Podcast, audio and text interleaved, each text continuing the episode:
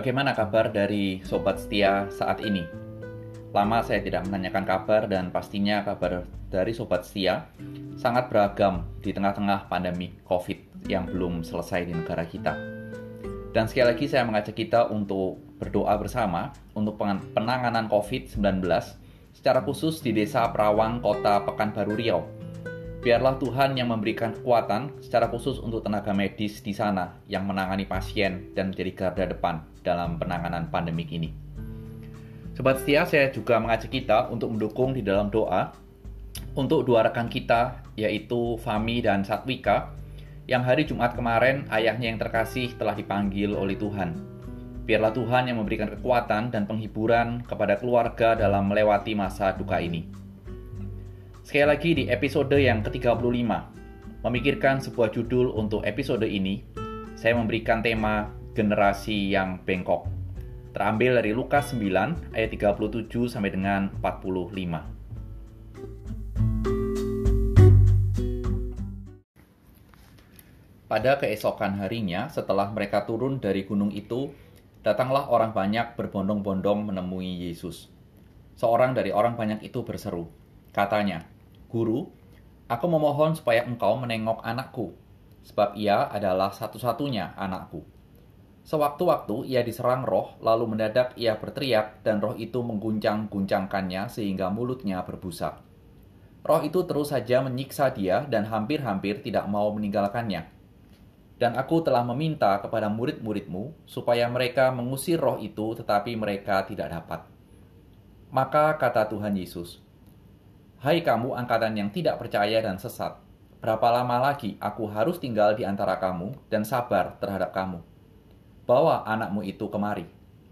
Dan ketika anak itu mendekat Yesus, setan itu membantingkannya ke tanah dan mengguncang-guncangkannya. Tetapi Yesus menegur roh jahat itu dengan keras dan menyembuhkan anak itu, lalu mengembalikan kepada ayahnya. Maka takjublah semua orang itu karena kebesaran Allah ketika orang semua orang itu masih heran karena segala yang diperbuatnya itu, Yesus berkata kepada murid-muridnya, Dengarlah dan camkanlah segala perkataanku ini. Anak manusia akan diserahkan ke dalam tangan manusia. Mereka tidak mengerti perkataan itu, sebab artinya tersembunyi bagi mereka sehingga mereka tidak dapat memahaminya. Dan mereka tidak berani menanyakan arti perkataan itu kepadanya. Mari terlebih dahulu kita berdoa. Tuhan kami tahu bahwa harapan kami hanya ada di dalam dirimu. Ajar kami melalui firman-Mu selalu memandang dan menaruh harapan kami kepada Tuhan. Demi Kristus, amin. Sobat setia yang dikasih Tuhan, ketika istri seorang teman terkena sakit kanker, teman saya mencoba berbagai macam obat supaya istrinya bisa mendapat kesembuhan tetapi hasilnya tidak juga. Dia juga meminta dan memohon supaya istrinya didoakan, tetapi juga tidak kunjung terjadi kesembuhan. Sampai akhirnya saat ini boleh dikatakan kondisinya no hope. Inilah kira-kira yang menjadi gambaran ketika Tuhan Yesus turun dan bertemu dengan banyak orang. Dari kerumunan itu, seorang ayah berteriak memohon kepada Tuhan Yesus supaya Tuhan Yesus melihat anaknya satu-satunya yang sakit, yang menderita kemungkinan sakit epilepsi. Dan kondisi anak ini bertambah buruk karena setan mengeksploitasi eksploitasi sakitnya sehingga kondisinya benar-benar sangat buruk. Ayah yang putus asa ini juga telah memohon kepada murid-murid Tuhan Yesus supaya disembuhkan. Tetapi murid-murid Tuhan Yesus tidak dapat menyembuhkan dan tidak dapat mengusir setan itu. Sampai akhirnya dia mencari Tuhan Yesus dan menaruh harapan terakhirnya kepada Tuhan Yesus. Sehingga mari kita berpikir, kita melihat apa yang menjadi respon dari Tuhan Yesus. Sebelum kita melihat apa yang menjadi respon dari Tuhan Yesus, mari kita lihat tiga fakta yang dimunculkan oleh Lukas, di mana realitas pertama adalah Lukas menyebut ada kesulitan dari kehidupan manusia ketika manusia hidup dalam dunia ini, seperti sakit, penyakit, dan lain sebagainya. Dan untuk menghadapi kesulitan-kesulitan itu, manusia berusaha, manusia kemudian mencari pertolongan, sampai akhirnya dari dunia spiritualitas. Dan inilah yang dicatat oleh Lukas, bahwa murid-murid gagal untuk menyembuhkan dan mengusir setan. Sehingga kita sampai pada sebuah kesimpulan. Realitas yang ketiga adalah no hope. Setelah segala upaya dilakukan, tidak ada lagi yang bisa diharapkan. Sehingga mari kita berpikir, apa yang menjadi respon dari Tuhan saat ini? Kalau kita melihat dalam cerita-cerita sebelumnya, Tuhan biasanya langsung menyembuhkan.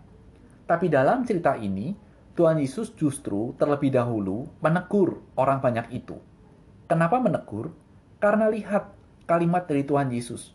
Generasi saat itu adalah generasi yang tidak percaya dan generasi yang sesat.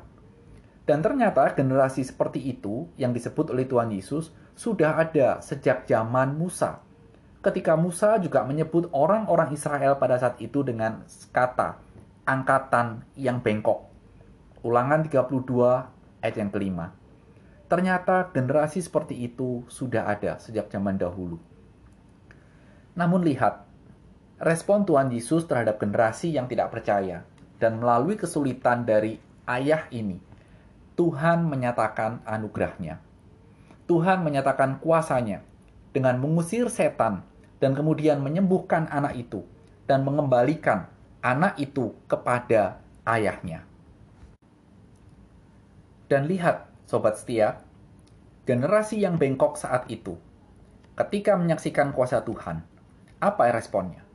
Lukas mencatat takjub, mereka kagum. Dan kalau kita melihat akan bagian ini, baik generasi saat itu baik generasi di zaman Musa ataupun generasi saat ini, saya percaya bahwa kita semua generasi kapan pun akan takjub ketika menyaksikan dan mengalami kuasa Tuhan. Namun perlu kita bertanya, setelah itu, apakah generasi yang bengkok ini percaya kepada Injil Kerajaan Allah? Belum tentu. Mengapa? Karena sering kali ketika melihat kuasa Allah, muncul pertanyaan yang jauh lebih tajam daripada menerima Injil Kerajaan Allah. Misalnya apa? Misalnya seperti ini. Kalau Tuhan memiliki kuasa yang melampaui segala sesuatunya, seharusnya Tuhan bisa membereskan segala kesulitan manusia, sehingga manusia bisa hidup senang. Bukankah itu yang sering kali menjadi pemikiran dari generasi ke generasi? Tapi di balik pemikiran itu, di balik pertanyaan itu, manusia melupakan apa yang didambakan, yaitu kesenangan, tapi manusia lupa akan fakta dosa dan akibat dosa. Kemudian Tuhan Yesus mengajarkan pada murid-muridnya, di tengah-tengah orang yang takjub, Tuhan Yesus mengajarkan bahwa anak manusia akan diserahkan ke dalam tangan manusia. Atau dalam bahasa lain bahwa dengan kuasa yang melampaui segala sesuatu, Kristus mendatangi salib untuk mengalahkan maut dan mengalahkan kematian. Itulah yang diajarkan dan ditekankan oleh Kristus. Namun lihat, pada saat itu murid-murid tidak memahami, murid-murid tidak mengerti apa yang menjadi pengajaran dari Kristus. Sobat setia yang dikasih Tuhan, kita yang melihat pengenapan pengajaran ini dalam kematian dan kebangkitan Kristus. Tahu bahwa yang paling penting adalah bukan melihat mujizat, bukan mengalami mujizat kesembuhan dan lain sebagainya. Tetapi yang paling penting adalah beriman dan percaya kepada Kristus sebagai juru selamat. Sehingga menjadi sebuah refleksi dan perenungan kita. Bila dalam kehidupan kita ini banyak sekali permasalahan yang menghimpit kita, dan akhirnya menghantar kita berjalan kepada Kristus dan kita berharap untuk diselesaikan. Kiranya melalui hal itu boleh juga menghantar kita untuk beriman dan percaya kepada Kristus sebagai Tuhan dan Juru Selamat dan berpegang teguh kepada janjinya karena dialah yang mengalahkan dosa. Dialah yang mengalahkan maut. Kesembuhan fisik akan memperpanjang kehidupan dalam kehidupan sementara. Tapi kehidupan bersama Kristus kekal selamanya. Amin. Selamat beraktivitas dan Tuhan memberkati.